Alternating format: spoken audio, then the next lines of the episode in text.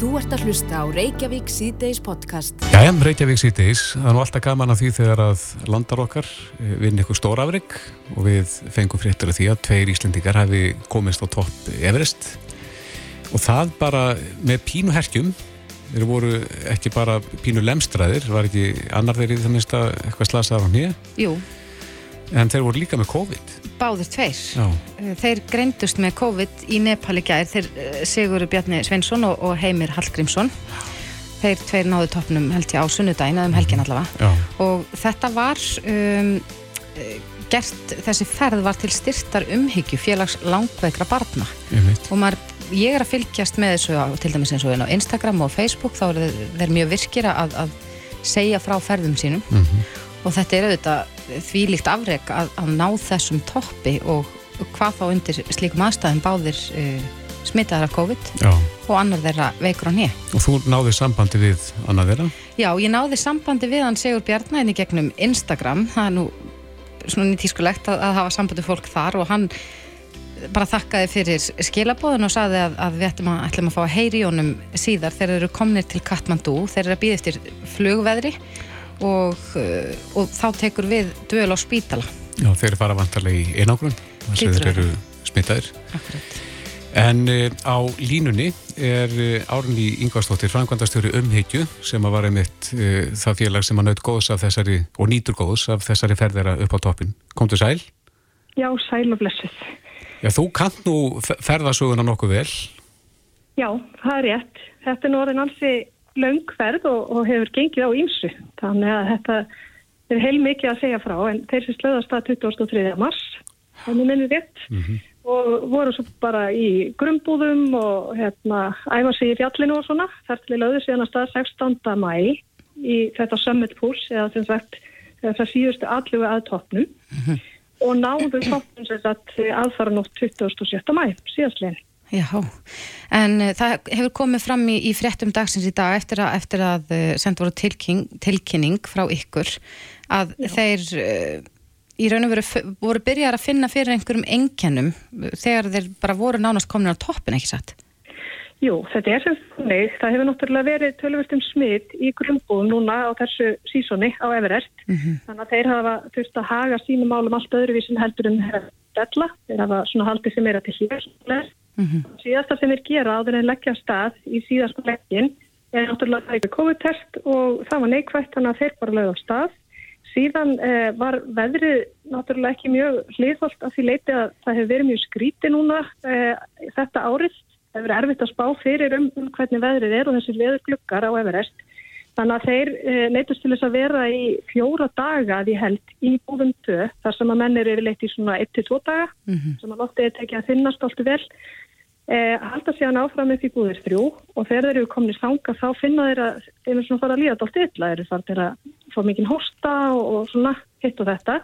En vildu kannski bara skrifa það á það að þeir væri búin að vera alltaf lengi á leiðinni þá þegar þegar þeir upp í búðir fjögur þá eru þeir lettir þarna í aftaka veðri og öll tjöld eru fókið, þannig að tjöld er búin nýtt og, og hérna býða þar í sólasing meðan að verðinu slótast og leggja svo á stað á toppin, ekki alveg eins frískir og þeir hefði viljað, en þeir tóku þetta bara ónhefanum, náðu toppnum og svo á niðurleginni þá heldist þetta bara yfir þá, þeirra veikindi. Þannig að þetta var mjög strempið þarna eh, á síðustu metrunum. Akkurat, maður getur eiginlega ekki ímynda sér að, að sko vera bæði í þessari hæð Já. að ná þessum toppi og, og eins og segir hérna ykkur að finna fyrir þreytu, hósta og óþægindum. Akkurat. Og líka bara það er nú erfitt uh, með súrefnisleysi þarna í þessu tunna lofti og þegar ofan að bætist COVID og, og ástandi á lungunum sem að var orðið allavega eins og honum siguri að hérna, maður getur bara eiginlega ekki sett sér í þessi spór. Nei, En ég heyrði nú í þeim og þeir hafa verið ótrúlega öflugir í þessu samstagsverkefni við umhyggju núna síðasta halva árið og hérna það sem að bara freittið inn í gegnum þetta eiginlega var bara að hugsa um hennar málstað. Þeir voru búin að vera í sambandi við fjölskyldu langugra batna að heyra reynslu sögur og fá pepp og svo leis og þegar að harna á dalnum þá hugsaðu bara til hvers eh, þessi krakkar með að tóla. Akkurat. Þannig að það er svona inn í síðasta hjallan. Já, hefur, e, e, hvar eru þeir stattir núna? Er þeir í grunnbúðunum og býða eftir að komast aftur til Katmandú?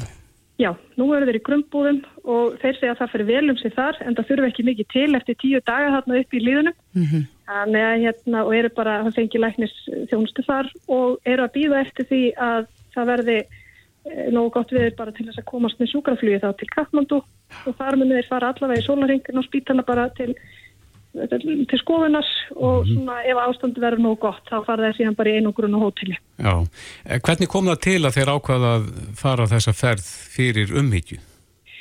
Já, þeir uh, höfðu hugsað sér að fara þarna upp og þá langaði að gera eitthvað meira úr því heldur en bara uh, sína eigin drauma á langanir um að komast þannig að þá. Þá langaði þetta hefði einhvern meiri tilgang og bara fóru svona að hugsa sér um hva, hvað þið myndu vilja að hérna, stiðja frekar við og umhyggja var fyrir valinu og við erum ekkert smá þakklátt fyrir það. Þetta mm -hmm. samstæðið hefur verið dásamlegt en það eru þessi menn algjörlega með hjarta á réttu stað og hausinn skrúaðan rétt á ótrúlega fókuseraður og flottir og, og, og meiri segja núna þar sem þið liggja lastnir þá er einu sem eru að hugsa um er hvernig við getum haldið þessari söfnun áfram. Já, Þannig að þeir munu halda áfram að pósta alveg fram til 11. júni þar til að söfnuninni líkur formlega. já, já. Veistu hverju svona ferðalag skilar fyrir umhyggju? Er, er komin einhver uppæð? Eh, nei, það er náttúrulega bara tínast inn og eins og ég segi þá stendur þetta alveg til 11. júni en við erum komin örglega hátt í 2 miljónir eins og er. Mm Þannig að þetta bara gengur mjög vel og við erum bara ótrúlega þakklátt og þeir líka því að hver styrkur og, og hvert pepp það gefur þeim aukinn kraft í að halda áfram. Já, og fyrir þá sem að vilja styrkja þetta verkefni, hver, hvert á fólk að snúa sér? Það er hægt að fara inn á sérst, Facebook síðuna með umhyggju á Everest. Það er linkur á, á, hérna, á styrtarsíðu. Eins er hægt að sjá þennan linki gegnum Facebooki, það er umhyggja.is og svo náttúrulega bara heimasíðun okkar sem er umhyggja.is. Já, glæsilegt. Við hlökkum til að heyra í þeim og úskum þeim já, bara allsins besta Og til hamingi með þetta og til hamingi með þetta og bara til hamingi og til ykkar líka. Árni, Já, takk fyrir. Árni Ingvarsdóttir, Frankværtastjóri umhyggju. Kæra þakki Já, fyrir takk. þetta. Takk, takk, bless. Þú ert að hlusta á Reykjavík síðdeis podcast. Reykjavík þess að bylginni heldur áfram. Í oktober síðastlunum uh, rituðu ráþarar í ríkistjórnum undir breytingar og reglugerðum um að gefa ríkisborgurum utan EES færa á að koma hingað og með fjölskyldu sínar eða eh, stakir til að vinna fjárvinnu til Já. sex mánuða. Og þetta átti svolítið að opna á það að nú eru miklu fleiri sem vinna uh, að heiman og uh, við erum öll tengd í gegnum tölvurnar þannig að ég held að, að það sé lítill munur á því að vera einhvers þar á vestfjörðum eða bara í San Diego nefnum kannski tímamismunur Já, maður getur ímyndað sér sko miða við stöðu Íslands í þessum COVID-faraldi sem hefur bara verið bísna góð í núna síðastliði rúmt ár að þá hafi þetta verið svona físilegt fyrir fjölskyldufólk sem að getur unnið í fjárvinnu að koma á svona örugt svæði. Akkurat, en það var verið að fjalla um þetta í New York Times og ég, ég verð alltaf svona pínu stolt þegar að vera að tala um eitthvað svona íslenskt í erlendum miðlum. Já, En þannig er við tala um mann sem að hefur verið á vestfjörðum síðan, eh, já, síðan í januar og verður hér e- eitthvað, eitthvað aðeins áfram. En hann er að nýta sér þetta. Hann er frá San Diego og hann og konan hans komu hinga og eru búin að vera að vinna í fjárvinnu þarna fyrir vestan. já, En okkur leikur fórhundin að vita hvernig þetta hefur gengið, hvort að margir hafi nýtt sér þetta, uh, þennan valkost. já, sá ráþæra sem er með þetta á sínu borði er Þórdís Kolbrún Reykjörð Gilvadóttir, ferðamála nýsköpunar og innar ráþæra, kom til sæl. Sælu, blessu. Já, þú hefur fylgst vel með, með þessu og þe- þetta er svona á þínu forræði. Mm Hvernig, hvernig hefur þetta tekist til? Uh, þetta hefur gengið mjög vel. Þetta er samstagsverkefni í raun á milli ráðunauta en það þurfti fjármálar á þeirra að undirrita reglugera breytingu og dómsmálar á þeirra sömu leiðis. Mm Og þetta er aðgerð sem að náttúrulega fellur óbúslega vel að, að nýsköpunar stefnu sem við höfum sett, nýsköpunar landi Ísland. Og síðast þegar ég, þegar ég fekk upplýsingar, það er tölverst síðan, þá vorum 65 einstaklingar sem höfðu nýtt sér þetta. Og ég hef hérna, veit að það er verið að óska eftir þessum upplýsingum aftur núna. Ég myndi alveg leifa mér að skjóta að þetta væri yfir 100 manns. Og þetta er í raun aðgerð sem að er sko, við erum í raun að bræðast við bara eftirspurna áhuga að koma hingað. Og, og það sem að fylgir þessu og það er gott dæmi með til, til dæmis vestfyrir að það er þessi sko, þú veist, með fleiri hérna eh, bara þáttakendur í íslensku samfélagi sem eru þá í að hérna, nýta sér hérna, þjónustu og afþrengu og, og eða sínum fjármennum vonandi mun eitthvað þessu fólki bara ákveða að vera hérna í lengri tíma en þá fara þau út úr þessu kerfi og í svona varanlegra kerfi. Þess vegna þegar fólk er að koma bara í sex mánuði þá er það í raun ekki það hefur ekki gjaldfrálsan aðgang að sko heilbreyðiskerfi og öðru slíku að því það er í raun bara að flytja starfið sem hingað, allar að vera hér tímabundið og ef það sé nákvæður að vera lengur að þá ferða inn í okkar, öll okkar kerfi sem eru auðvitað annað stærra mál. Þannig að þetta var svona atrið sem að var tiltvöla einfalt í framkvæmt en ég myndi mjög gert mann vilja að taka starri skref af því að sérstaklega þegar maður tekur svona staði eins og út á landi þar sem maður munar svo mikið um hvern og einn og þetta opnar á tengingar og, og, hérna, og leiðir af sér mjög margt uh, jákvægt og gott. Þannig að ég er mjög, ég segi eins og, og þú Þortís, það er gaman að sjá þegar maður hérna, sér svona Ísland í samantækt með öðrum öflugum uh, löndum sem er að bjóða upp á þennan valkost. Mm -hmm. En greiðir þetta fólk uh, skatta í sínum heimalöndum? Þegar það er í þessu fyrirkomulagi, sex mánuða fyrirkomulagi, þá gerir það það. Þá, þá kemur hann ekkert inn í kerfið okkar. Hvorki greiðir að skatta, nýja heldur hefur það þá aðgengi að okkar kerfum sem að við fjármögnum með okkar sköttum. Þess vegna, þess vegna gerum við kröfunum að það þurfi að vera með hérna, trygg svona ágætis mánuðalaun af því að við erum ekki að taka ábyrð á því að fjármagna ef að, hérna, því þurfu eitthvað þjónust að halda. Þess vegna er þetta bara þetta 6 mánu tímabill en svo eru þetta líka með ákveðin kerfi til þess að reyna að laða að erlenda sérfræðinga sem við vitum líka að, að hérna, er aukast og skiptur okkur sem samfélag opuslega mjög máli. Mm -hmm. En þessar einstaklingar sem hafa nú þegar nýtt sér þetta, þeir sem eru hér og að vinna í fjárvinu, vitið hvernig þau dreifast um landið? Við sáum þennan í New York Times sem er á vestfjörðum. Já, Ég, nei, ég er ekki með upplýsingur um hvernig þau hérna, dreifast um landið. Uh, það eru öruglega talsfyrir hluti hérna á höfbrukarsvæðinu en það er, hérna, það er nefnilega líka eitthvað fólki sem, að, sem er veit til en ekki grundisleikar ofnbara upplýsingar bara sem er heyrir um sem eru hérna víða um land og við, það er hægt að ímynda sér að fólk sem hefur sko var kannski búið að vera bara fast inn í sinni hérna íbúð í ykkur að vikur og mánuði að koma síðan hérna og vera ykkur starf út á Snæfellsnesi eða vestfjörðun eða hvar annar staðar og vinna á, á hérna, sína fjárvinnu og vera síðan með, þú veist, í svona mikillir nálaði náttúru og, og hérna, þetta þeim tíma líka tölvist meira öryggi bara hér en vonandi tekst okkar að byggja síðan ofan þetta til lengri tíma vegna þess að eitt af því sem að er svona áskorun til þess, fyrir okkur til þess að vera framhúsgarandi nýskofunaland það er sko fjölbryttari svona talentpúla. Við séum með hérna fleiri erlenda sérfræðinga með bæði reynslu og svo, og svo tengingar út í heim ímiskonast til þess að byggja ofan á það sem við höfum hér. Mm -hmm. Kanski að einu öðru þórtís, ég sá þá að vísi í dag að um 100.000 eiga eftir að nýta ferðagjöfuna sína. Það er nú ágætis mm -hmm. áminning fyrir þá sem að hafa ekki ennþá nýttana en Já. að hún rennur út næsta þriðdag. Megu við búast við í framhalduna að fá nýja ferðagjöf? Já, það er búið að samþykja það í þinginu, uh, ferðagjöf nummið 2 og hún verður bara alveg eins, óbreykt, sami hópur, sama fjárhæð Þannig að inn í þetta sumar að þá uh, mun allir þeir sem búinir er að nýta sína fá nýja og þeir sem ekki nýttu þessa þá þá aftur tækifæri til þess að, að hérna, nýta hana núna á næstu mánuðum. Hvað, hvað er mikið ónýtt frá síðast ári? Þetta er uh, nokkur hundru miljónir, ég myndi halda, nú man ég ekki alveg, kannski 600 miljónir eitthvað svo leiðis sem er órástafað og hérna, þannig að við erum að hluta til að fjármagna næstu ferðargjöf bara með þeim fjármunni sem við gerðum ráð fyrir í nummer eitt sem mhm. að hérna, ekki nýttust og, og þá hérna, fer það upp í þann kostnað, eða svo maður segja. Akkurat. Sjáu eða hvaða hópur það er eða hvort það sé eitthvað enginandi fyrir þá sem hafa ekki nýtt ferðargjöfuna?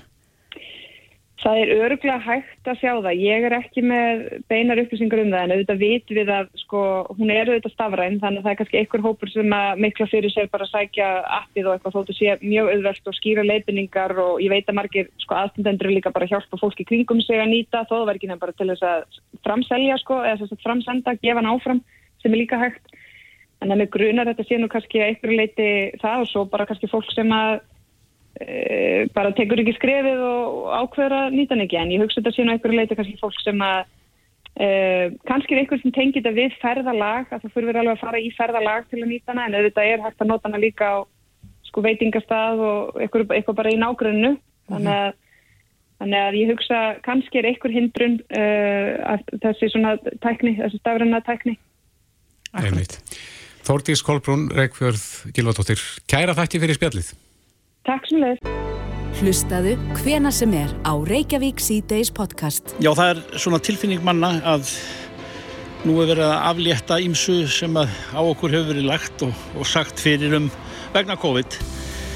í frálsræðis átt er það og, og þegar að uh, framöndan er mánaðamóta helgi og, og, og sumarið er komið við tala hér um bara veðri í, í Reykjavík og þenn hérna með við reynir sinni sem að stendur í ströngu nú sem marga daga hér á undan og, og er emitt að vara við því að menn hlaupin og ekki á rætti í kóðaðurinn og sömurinu þegar að kemur að mannamótum sem framöndan eru. Er þetta ekki svona nokkur neginn það sem þið vildu sagt hafa í dag? Jú, ég held að það sé sko, um að gera að ganga um, um gleðina dyr en að, en að fara kannski varlega um það sko. Mm -hmm. Því að við sjáum það að, að það eru þetta, þessi smitt sem við erum að sjá utan sótt kvíar og svona þessi smitt síðustu kannski vikuna tengjast með einum öðrum. Hættin er, hættin er svona poppa upp hér og þar. Mm. sína okkur að það er svona alltaf hættan er, er fyrir hendi um eitthvað meira og, og núna er, er hérna meiri afleitingar og, og meiri gleði og léttleiki yfir öllu og þá skiptir þetta aldrei máli að að gleyma því ekki, þetta er ekki alveg búið og við erum, erum svona, við erum á endarsprettinu við erum að uppbóta tímanum ég veit ekki hvort við erum komin í vítarspundukefni eins og við sáum mikið hær hjá, hjá United og Villarreal en, en við erum allavega í uppbóta tíma og, og við þurfum að halda þetta út, eiga þrek í restina og, og nú er bara ótrúlega skemmtilega helgi framöndan hjá mjög mörgum og, og mikið til að gleðast yfir en við þurfum að passa okkur og það er ímyndilegt sem við getum gert auðvitað, þessar svona persónabundu sóttvarnir og þekkjum það allt saman að, en svo líka bara þannig að ef einhvað gerist að við náum fljótt utanum það það er að menn haldi svona skráning á, eins og veitingastöðum og, og eins og á að gera samkvæmt reglugerðinu mm. og líka hefur verið að hvetja fólk til þess að setja e, rakningarappið frá landlækni upp hjá sér til þess að, að, hérna, að bæði að við náum þá að sagt, upplýsa þá sem hafa verið útsettir og líka það að þá, þá kemur það ekki vekk fyrir að fólk séu sett í sótkvíð óþörfu þannig að mm. það er margs að vinna mm. eh, ma maður heyrir það á fólki að það, það tekur mjög auðvöldlega undir með manni þegar það er að aflýtta svona þessum restrikjónum sem að grímur og annað, annað slíkt en, en eftir því sem að lengra líður þá er ekki sagt erfiðar að díla við fólk þar að segja það. Þegar þú ert komin á beinubrautina og sér í mark e, e, býta aðeins, þetta, þetta er ekki alveg búið. Eftir því sem þið þurfum að segja það oftar þeim meira sko nákvæmnisverk verður þetta halda líðnum í liðinu og, og, og hlaupi takt. Já, það er það auðvitað, þetta er mikil áskorun að, að, að við höldum þetta út sko og, og við erum auðvitað örglóriðir allir átt búin að leiða þessu okkar hjá okkur að þetta sé ekki alveg búið þegar mann upplifa það kannski að ja. fyrir marga það sé bara, þetta sé komið og við erum bara ekki alveg þar og ég er svona þessi, með þessa íþróttatengingum, ég finnst þetta ágætt eins og einhver sagði þetta hópsmitið sem kom upp eins og söðokrókja það voru heima menn sem sögðu þetta var eins og fá á sig marki upp út á tíma og Já. ég held að það sé bara ágætt fyrir okkur að við erum að verða fyrir áfalli á síðustu metrónum er ekki það sem einhver vil og sérstaklega því við vitum alveg hvað við þurfum að gera. Við kunnum þetta alveg, Íslendikar hafa staðið sér frábælega samfélagi hefur staðið alveg þétt á bakveit og þó við séum núna kannski með einhverja svona vangaveltur og mennir fannir að, að, að slaka og þá held ég samt sem áður að einstinni vitum við þetta við þurfum bara að sækja hérna þessa auka orku til þess að klára þetta. En við getum samt sko glaðist og við getum hist og átt glaðan dag um helgina. Við bara förum, sleppum ekki alveg fram á okkur beislinu og, og, og hérna missum ekki alveg svona stjórna okkur í gleðin ég heldur göngum um gleðinættir en göngum kannski hægt um þar Maður heyrir samt uh, varfærnisvæti þegar kemur að landamærum og við höfum verið tiltölulega heppin með það að vera já, svona kannski með þeim hreinustu í, í, í heiminum svona e, e, eftir að maður tekur marka á þeim kortum sem að ber fyrir augur svona endurum á sinnum. Um, er það í ykkar huga vandasamur línudans þar að segja koma erlendra ferðamanna hvaða þeir koma hvernig skal höndla þá er það samkvæmt í sem að þeim var bóðið hingað eða bænir um að kíkja hérna við hjá okkur og líta á dýrðina? Eh, er það svona sá ás sem að þeir kannski áhyggjur manna endurum á sinnum snúastum Já, við náttúrulega bara ef við, ef við skoðum sko, þau hópsmitt og svona eh, sem við höfum fengið núna undarfatna mánuði þá, þá náum við á mjög stuttum tíma að rekja það vilja til einhvers á landamörun og það sem þetta hefur komið, komið í gegnum og, og og orðið svona til að kannski ekki bylgjum en einhverjum svona bungum í þessu mm. Eh, núna er orðið ansið langt síðan við höfum séð svoleiðis nýtt tilfelli og þetta sem við erum að fástu þessa dagana eh, kemur til landsins 11. apríl þannig að þetta er orðið ansið, ansið langt síðan að við höfum fengið svona nýtt afbríði sem er sloppin í landi þannig að að gildir að halda áfram að, að hafa þéttök á landamærunum en gleði, gleðilegi hlutin að því er náttúrulega það að við erum alltaf að sjá það að hlutfall þeirra sem eru bólusettir mm. er að koma og þeim er að fjölga og, og við erum komin upp í það núna að, að yfir 70% af þeim sem er að koma til landsins eru bólusettir og náttúrulega langstæstir hlutir en þeim eru ferðamenn og það er auðvitað bara mikið gleði efni og maður vil sé það að, að ferðarþjónastan er að beina svona aðteglinu svolítið af þessum hópi sem að er þá tilbúin að ferðast. Jafnvel, þarf ekki að standa þá í ströngu heldur heima fyrir eins og hefur verið. Geta komið hér, farið eina sínatöku og, og haldið síðan áfram ferðsynni og við erum núna komið með bara um tveggja mánuðan reynslu á þetta. Við höfum tekið síni úr allir þessum bólusetta fólki og það er 0,02% af þeim sem hafa komið sem hafa reynst verið með veiruna þeim sem eru bólusetti sem er náttúrulega hverfandi lilla tölur. Og og það eru margar þjóðar að kalla eftir þessum upplýsingum frá okkur að sjá svona hvernig þetta er. Við erum að meðla þessu til, til annara þannig að landamærin höldum áfram að halda þétt, þétt utanum þar en, en á sama tíma sjáum við þessa svona eh, tæki, sóknartækifærin okkar liggja í því að laða til okkar ferðamenn sem eru bólusettir og, og þurfum að beina aðteglina því og, og hérna áfram að þá að þeir sem að hinga þurfa að koma einhverjum öðrum ástæðum og er ekki bólusettir að við, við höldum áfram ennum sinn tvöfaldir í skimun og sótkvíu á milli og, og, og, hérna, og það, það hefur virkað og það mun virka áfram en við getum svona smá saman kannski eh, slakað á gagvart þessum ferðarmenn sem eru bólusettir. Að við viljum halda kannski áfram við þórólur höfum talað um það, sótandalagnir að vera með þetta kerfi minnst ástu fram með miðjan júni það er nú ekki nema bara réttur um að tvær vikur þannig að, að við sjáum til þá. Aflétting, hvers eðli sem hún er undanfarna mánuði og já við getum talað um misseri og ár e, því er tekið fagnandi en jáfnframt finnum maður fyrir því og ég spyrði hvort að þú gerir það ekki líka að það er ákveðin hluti mannfólksins hér á landis sem villaði farið varlega, villaði farið aldrei hægt í sakirnar. Ef við skoðum bara söguna, nú hefur við einhverja 14 mánuða sögu, 15 mánuða sögu á þessum faraldri þá í öllum tilslökunum hingatil hefur við fengið bakslag. Nú erum við bara í annari stöðu út af bólusetningunum heldur við hefum verið hingatil þannig að það er vonandi grunnurinn að því sem að er eitt af því sem, að, sem er ástæðan fyrir okkar áhugjum núna og, og fyrir komandi helgi er það að mjög stór hluti af því fólki sem við vitum að verður mikið á ferðinum helgina fólk er að útskrifast að það eru mann, mann fagnar víða, það er það unga fólk sem hefur ekki fengið bólusetningu. Þannig að sá hópur sem að það sem við eigum ennþá efni við í hópsmiti er þessi aldur svona uh, 18-20 og uppið kannski svona 35 ára. Þetta er hópur sem er mjög lítill hluti þeirra bólusettur og þarna er er fóðri fyrir, fyrir hópsíkingu líkur í þessum, þessum aldri en, en við eigum enþá einhverja vikur eftir þá við erum búin að ná þokkalur í bólusetning á þennan aldur þannig að þanga til þar, þarf þetta fólk að fara að valega Nú erum við komin í vítaspilnu kemna Við erum að nálgast hana við erum alveg klárlega að nálgast vítaspilnu kemna og, og hérna og það er bara að það þurfa allir að vera tilbúin að taka spilnun eins og við sáum mikið að, að hérna, það er þannig, við þurfum allir að vera tilbúin bara og, og standa okkar plikt og og sína hvort öðru skilningu og þólimæði núna í, í svolítinn tíma eða viðbútt. Og takk fyrir þetta. Takk sem við leiðis. Reykjavík síðdeis á bylginni.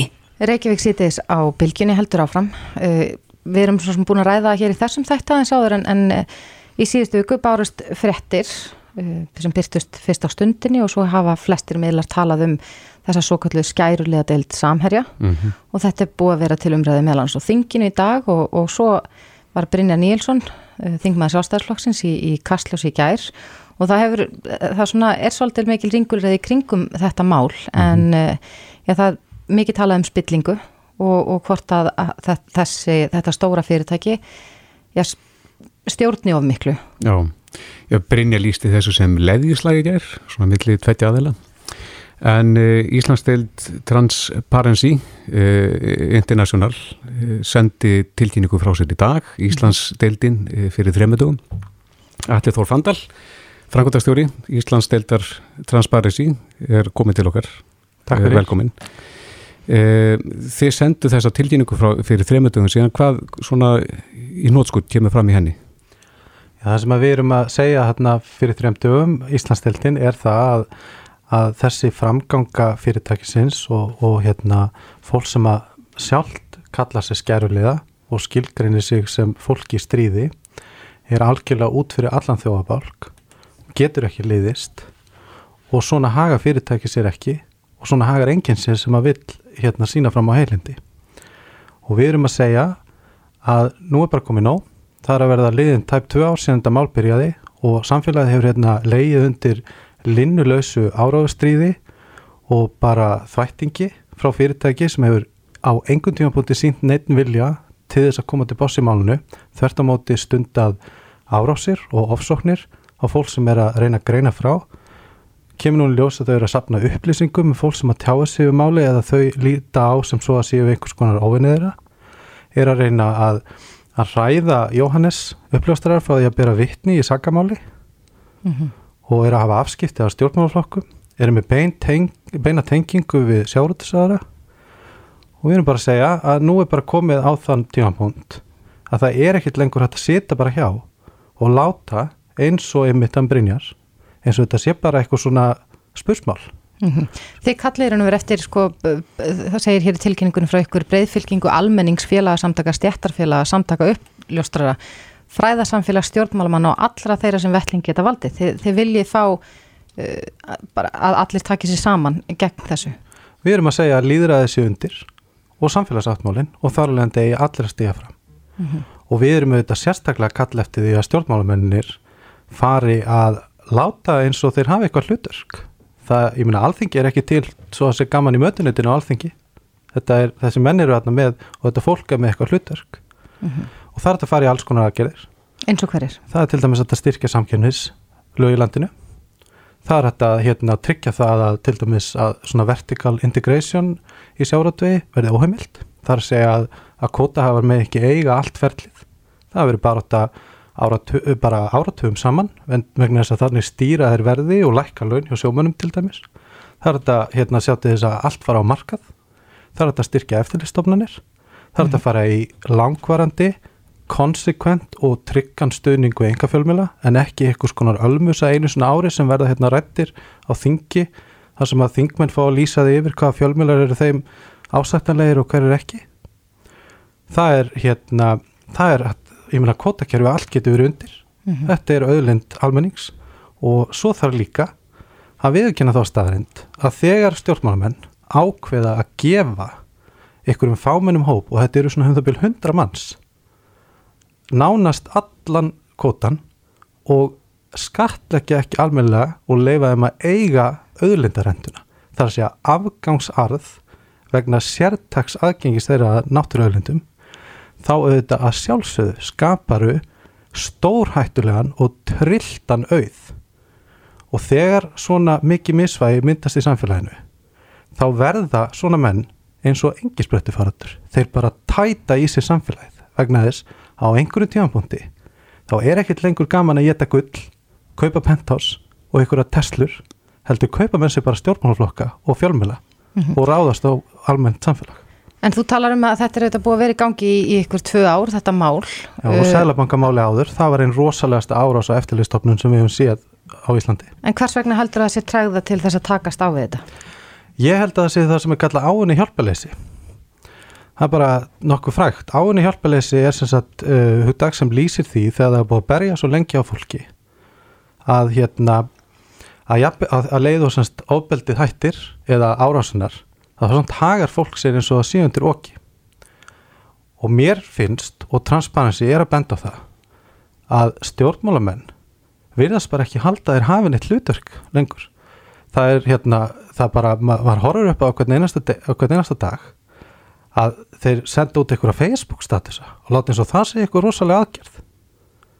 Nú bara við bara erum að hvetja fólk til að þess, nú er að koma kostningar nú hvetjum við bara fólk til þess að kjósa út frá því hvort það trúiði að fólki ætla, að stjórnmálmenni þeirra og frambjöðandur allir ömverulega mæti vinnuna. Vegna þess að það er ekkit að hafa sér svona.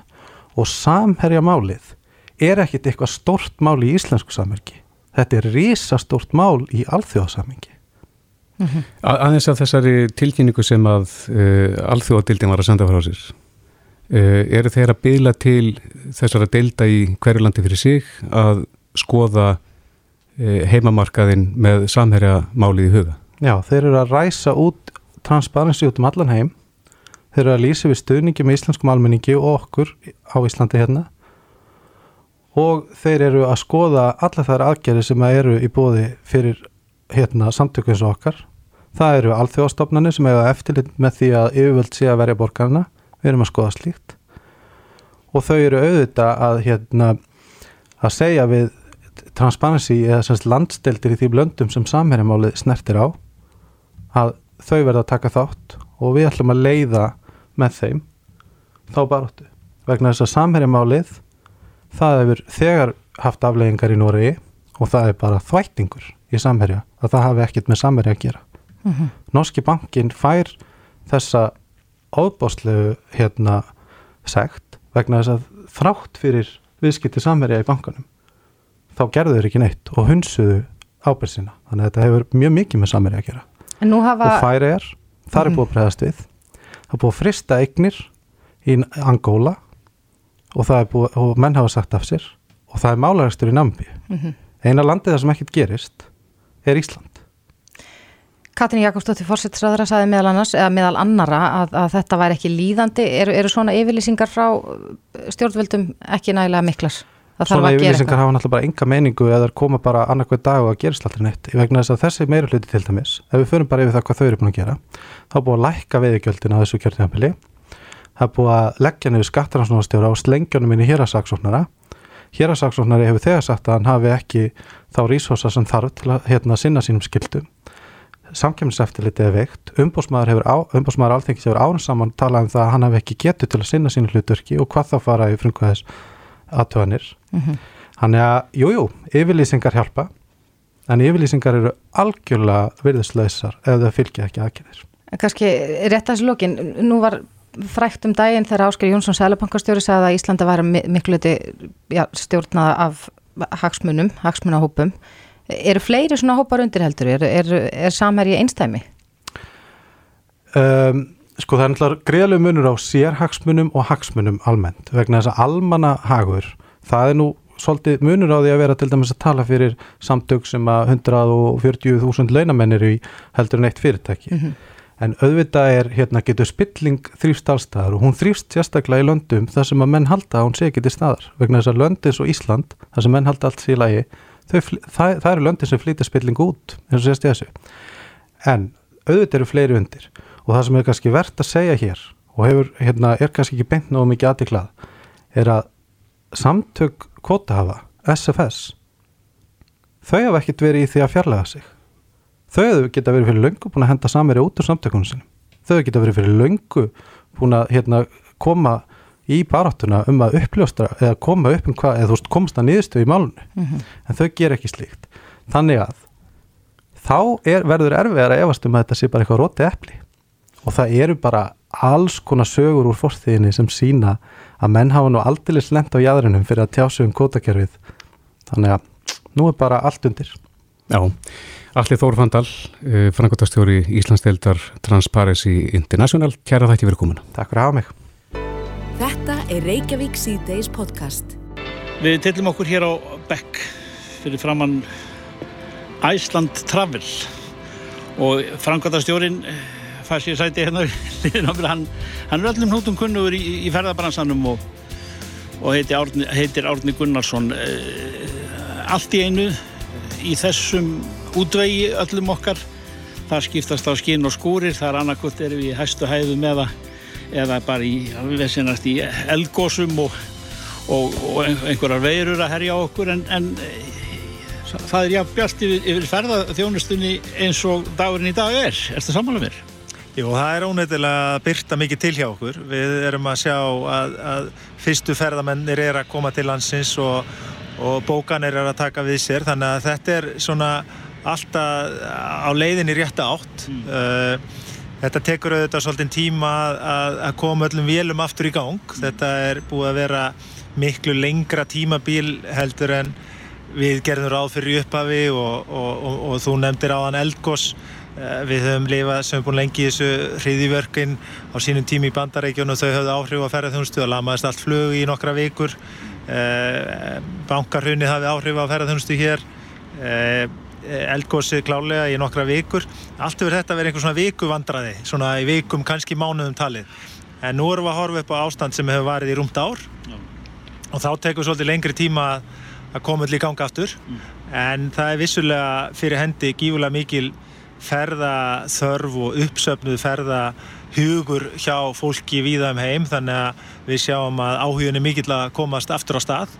Og sérstaklega fólk sem er orðið bólusett og líður orðið vel með það að, að fara að reyfa sig að það er, er í miklum ferðahug. Og við sjáum það á bandarækjumönnum að þeir eru að, að taka svona fyrst við sér bólusetningar í Evrópu ganga aðeins hægar mm. en ég held að svona þeirra líður á sumarið og, og höstið að þá, þá verði ástandið sama þar eins og í bandaríkjónum þar segja að við munum sjá, sjá mikinn ferðahug þaðan líka Þú nefnir bandaríkjamenna eru þeir já, margir hverjir bólusettir og, og vel undir svona ferðarlag búnir eru þeir að koma grímu, grímu, grímu sem það segir og, og, og uh, í stuttarferðir eða eru þeir að koma hér til þess að ferðast um landið? Maður er heilt sögur af því? Já, ég held sko bandarækjumenn og, og almennt þá eru þeir með yfirleitt svona stittra frí. Mm. uh, þannig að þeir hafa í gegnum árin alltaf verið aðeins í stittri dvöl á Íslandi heldur en kannski Evrópabúar sem eru vani lengri í sumafríum en uh, við finnum að, að þeir eru núna tilbúinir að vera hér örlíti lengur, svona okkar tilfinningar það. Eh, ekki stutt neinum gögnum en þá en svona það sem við upplöfum hjá okkur. En, eh, og eru jafnvel til í að fara líka í, í dýrari aftreyingu eh, hafa greinilega svona ekki eitt neinu í sumafrí sumafrísbudgetið var ónotað í fyrra. Þannig að, að menn eru að, að, að nýta sér það.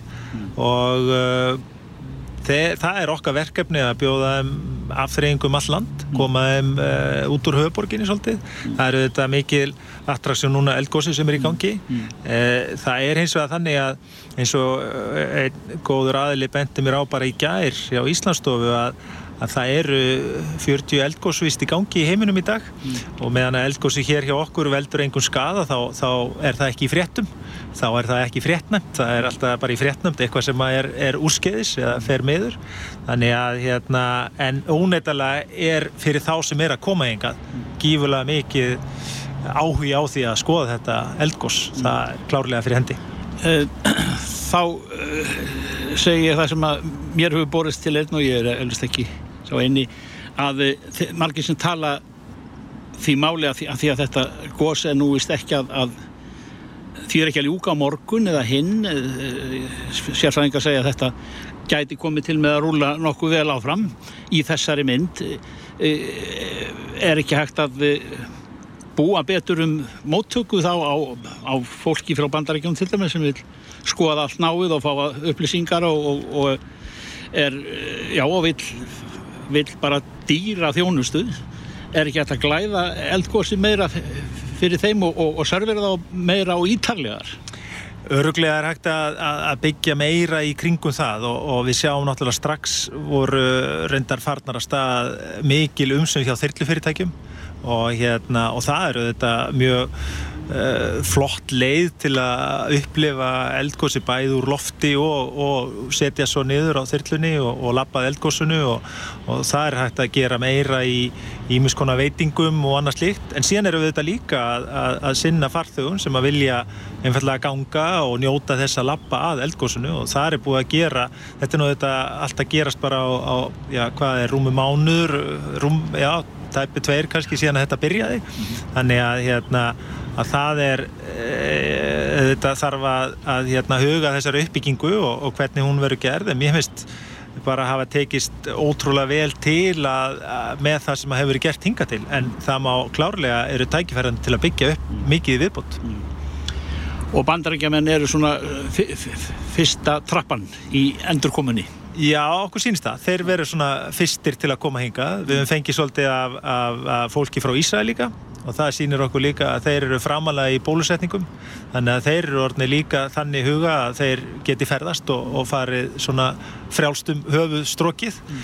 og, hérna, og treysta sér til að ferðast og, og það fylgir greinilega mjög sterk tengslan á milli þess hvort að fólk sé bólusettið ekki. Mm. Álinn þú horfið semst á bólusetningu hvort þú velur þér land og síðan byrjar að bjóða og, og glæða Ísland fyrir þeim aðri látni vera Já, þetta tengist verulega. Við sjáum það til dæmis að, að við höfum fengið í gegnum árin tölversta fólki frá Ástralíu. Þar gengur bólusetning mjög hægt og þeir búast ekkit við að ferðast neitt á þessu ári, ekki elendis. Eh, þeir meta það mögulega að þeir verða að ferðast svona farinara stað eitthvað í kringum áramótin. Þannig að þetta er alveg, alveg klá, klárt merki þess að, að að bólusetning skipti máli og fólk uh, og við finnum það bara hér á Íslandu þetta að, að við erum að létta á samgöngu takmörkunum og, og í tengslum við bólusetningar því að við höfum þá ekki á, áhætt að því að það verði mjög mikið af, af fólki sem að þarf að leggjast inn á spítala eða áláða heilbyrðiskerfið ef eitthvað smitt komið þannig að klárlega tengist þetta allt saman Já. og svo aður í hvaðið þessinni þú ert upptekinn maður uh, uh, svo er það náttúrulega fjörkipunum sem kemur á innlendan markað uh, Eh, leiðsögumenn, alls konar þjónustu aðilar sem að eh, vinna nótti 19 daga, búa sér undir endur komuð túristana. Já, og það er líka, við höfum fundið það að, að, að þegar að þegar að ferðarþjónustan kvarf, svona eins og maður segir, nánast yfir nótt, að þá upplifðu ótrúlega mörg fyrirtæki sem að skilgrindu sig kannski ekki endilega sem ferðarþjónustu fyrirtæki þau fundu fyrir því, hvort sem að það var í matvöru eða, eða elsneitisölu eða annað slíkt sem er svona önnur þjónusta að, að þar vantaði heilmikið upp á og hérna þannig að, að nú fer þetta alltaf af stað aftur og við sjáum að, að hérna að það er að setja vélarnar í ganga aftur, það er að gerast núna á, á næstu vikum og mánuðum Alding Gunnarsson, Frankóttstjóri Æsland Travel. Uh, kæra það ekki, ég, það, það er gott hljóðið í þér. Ég tek undir þessa björnsýn í þér. Takk fyrir sem leiðis Reykjavík síðdeis á Bilginni podcast. Reykjavík síðdeis á Bilginni eh, eftir að kórnum verið faraldurinn hóst á og, og síðan bólusetningar hafa tekið við sér og, og við vitum auðvitað við myndum mó, mótefni þegar við smittumst, þá hefur mm -hmm. mikið verið að tala um sko, hversu lengi þetta varir. Já og spurningum hvort að maður þurfa að fá sko, bólusetningu við þessu. Árlega jafnvel, mm -hmm. það hefur svo sem verið spáð því að það verði þannig. En eina vísipunkturis í dag byrtist grein þar sem er vísað í rannsókn um, eða rannsóknir í flertölu en þar segir að ónæmi gegn COVID-19 veri, gæti verið út æfi flestra sem hafa smittast eða fengi bólusetningu mm -hmm. og uh, þetta var rannsók þar sem var verið að, að rannsaka frumur í, í beinmerk fólks og þar segir að, að frumurnar muni eftir veirunni og geta gefið frá sér mótefni eftir þörf. Já. Þetta hljómar frekar spennandi, sérstaklega ef þetta varir út æfi fólks. Mm -hmm. Nú á línunni er Björn Rúnar Lúðvíksson, uh, professor í ónæmisfræði og yfirleiknir ónæmislækning á landsbytalanum sem við heyrum oft í þegar við lesum svona fréttir. Sæl? Já, góðan daginn. Þetta eru tvær ansóknir þarna sem að vísa þér í en, en er þetta eitthvað stóra ansóknir gangi hjá ykkur líka? Jú, jú, við erum að í samstarfi við yngvist að deildi í spítalans þá erum við að skoða sambarlega luti í, í, í svona vittækur samengi. Já sko það sem að menn, e, þetta er náttúrulega er mjög ánægilegt þegar að fyrstu niðurstöðunir er að koma í ljós og, og sína fram á að, að, að, að þetta virðist vera með þeim hætti ánæmiskerfið sé ennþá í stakk búið að glýma við veiruna ef hún kemur aftur í líkamafólks og það í sjálf og sér kemur kannski ekki þetta óvart e, með að vita það sem við vitum um ánæmiskerfið og, og svara þess við öðrum veirum mm -hmm. En, það er það sem að þess að ágæta aðtöðsend tínum það hvort að þetta myndi draga líkum á því að við þurfum að fara í endurbólusetningu. Þetta er umvel svona kannski tveir ólíki þættir sko. Eh, að í fyrsta lagi snýr þá þetta minni að veirunni eins og hún var þá þegar að viðkomandi eh, var útsettur fyrir henni eða þá var bólusettur uh mhm. -huh. eða bólusett en þannig að, að, að veitir þá vonandi og allar líku benda til þess að svo vörn var nokkuð lengi allavega í ár og líklega mun lengur. Eh, en svo er hitt sem við höfum áður rætt um og það er það að þessi björnskóttans veira að hún hefur þessa eiginleika að breyta sér og eins og margar aðra veirur og, og, og fél getur þannig náða að fjela sig fyrir ónumiskerfunu mm -hmm. og því minni sem það búið að búa til gegn uh, hérna, sískinumennar sko. Já, en af hverju þurfum við þá að ból... Þá þurfum við að endur, þá þarf að endur bólusetja vegna þess að það er komin nýtt andlit sem ónumiskerfið þarf að þekka. Já, en af hverju þurfum við að bólusetja þá gagvart bara þessari hefðbundi influensu árlega? það er vegna að hún gera það sama og, og koronavirusan er, er, er að gera og í, er að hún er að breyta sér sko, og er, er hluti af þessum svo kallu RNA veirum. Mm -hmm. en þessar RNA veirur eru skæðar að þessu leiti að þær eru mjög duglegar í að breyta sér. Akkurat. Og Eitt af því, akkurat, eitt af því sem segir hér eh, í tengslum við þessar uh, rannsóknir sem gerða voru er að, fólk sem að hafi smitast og verið bólusett verði ónæmt til margra ára. E- Er eitthvað, er eitthvað teknolóft um það hér á landi að bólusetja þá sem að hafa smitast? Það hefur eitthvað verið gert um, og, uh, og, og þannig að við, við, bara vitum ekki ennþá alveg ítalega svörum um þetta, þetta er allt og allt og stökt sko, við erum bara einu ári núna frá, frá því að, að rúmlega einu og hálfu ári má segja, frá því að faraldurum byrjar fyrst og, og þannig að þetta bara tekur, tekur tíma, við getum eiginlega ekki svara þessu fyrir einhverju viti fyrir nætti svona 2-3 til 5 ár sko, þá getum við fyrir að tala um alvöru minni. Mm En hvað segja fræðin? Eh, Væri, væri gott að bólusetja þó að fólk hafi fengið sjúkdóminn? Það er, eh, myndi ekki skada þig að öllu, að, að, líklega. Ég, ég, sko, persónlega hef ég ekki tal, talið að þessi þörfu og því sérstaklega þegar að lítið er á bólefni til. En þegar að nægt frambóð er að þá geti það svo sem ítt undir það að, að fólk fái enn sterkara svar. En, en þá líka aukast hættun, hættan á því að fólk fái sko, frekar svona þessar hliðaverkanir. Mhm. Uh, af því að þá náttúrulega er ónámiskerfið búið að sjá veruna og færa hann og að hluta til lýsi aftur og þá bregst það við með offorsig sko. Akkurat. Þannig að, að, að þá eru meiri líkur að fólk fáið hitt og slappleika og slíkt. Mhm. En uh, eins og þú sagðir að þá er, já, er bara rúmt árliðið síðan að við kynntumst þessari veru. En þið eru að gera rannsókn. Hvenær megum við búast við að fá að, að sjá glitt í einhverja niðurstöður úr þeirri rannsókn?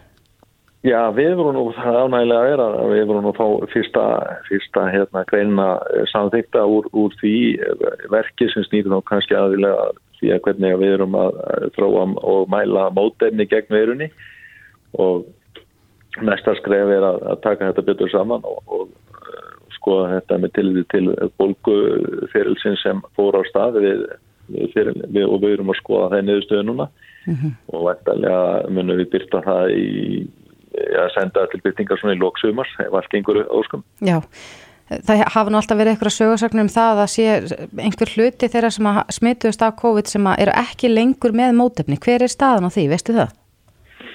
Sko það nefnilega er verkilegt að við erum að senda núna frá okkur um þetta yfirlitskreinu um, um þetta mótefna status og fólki eftir COVID og, og það sko fyrstur rannsóðum bentu einmitt til þess að fólk misti mótefnin. En svo þegar að menn fara að skoða þetta með sko ítalvegi hætti og rannsóðaðaferðum að þá kemur eiginlega það öfuði ljós að, að langstæstu hluti og rannsóknin hjá okkur hún sýnir það alveg ótvírætt og það var núna byrt sagt á því að ráðstöðinu lækna nema núna fyrir bara 2-3 vikur síðan að alltaf sko, 14 mánuðum eftir, að, eftir síkingu þá er enn góð móternarsverðin til staðar hjá yfir 95% af fólki Mm -hmm.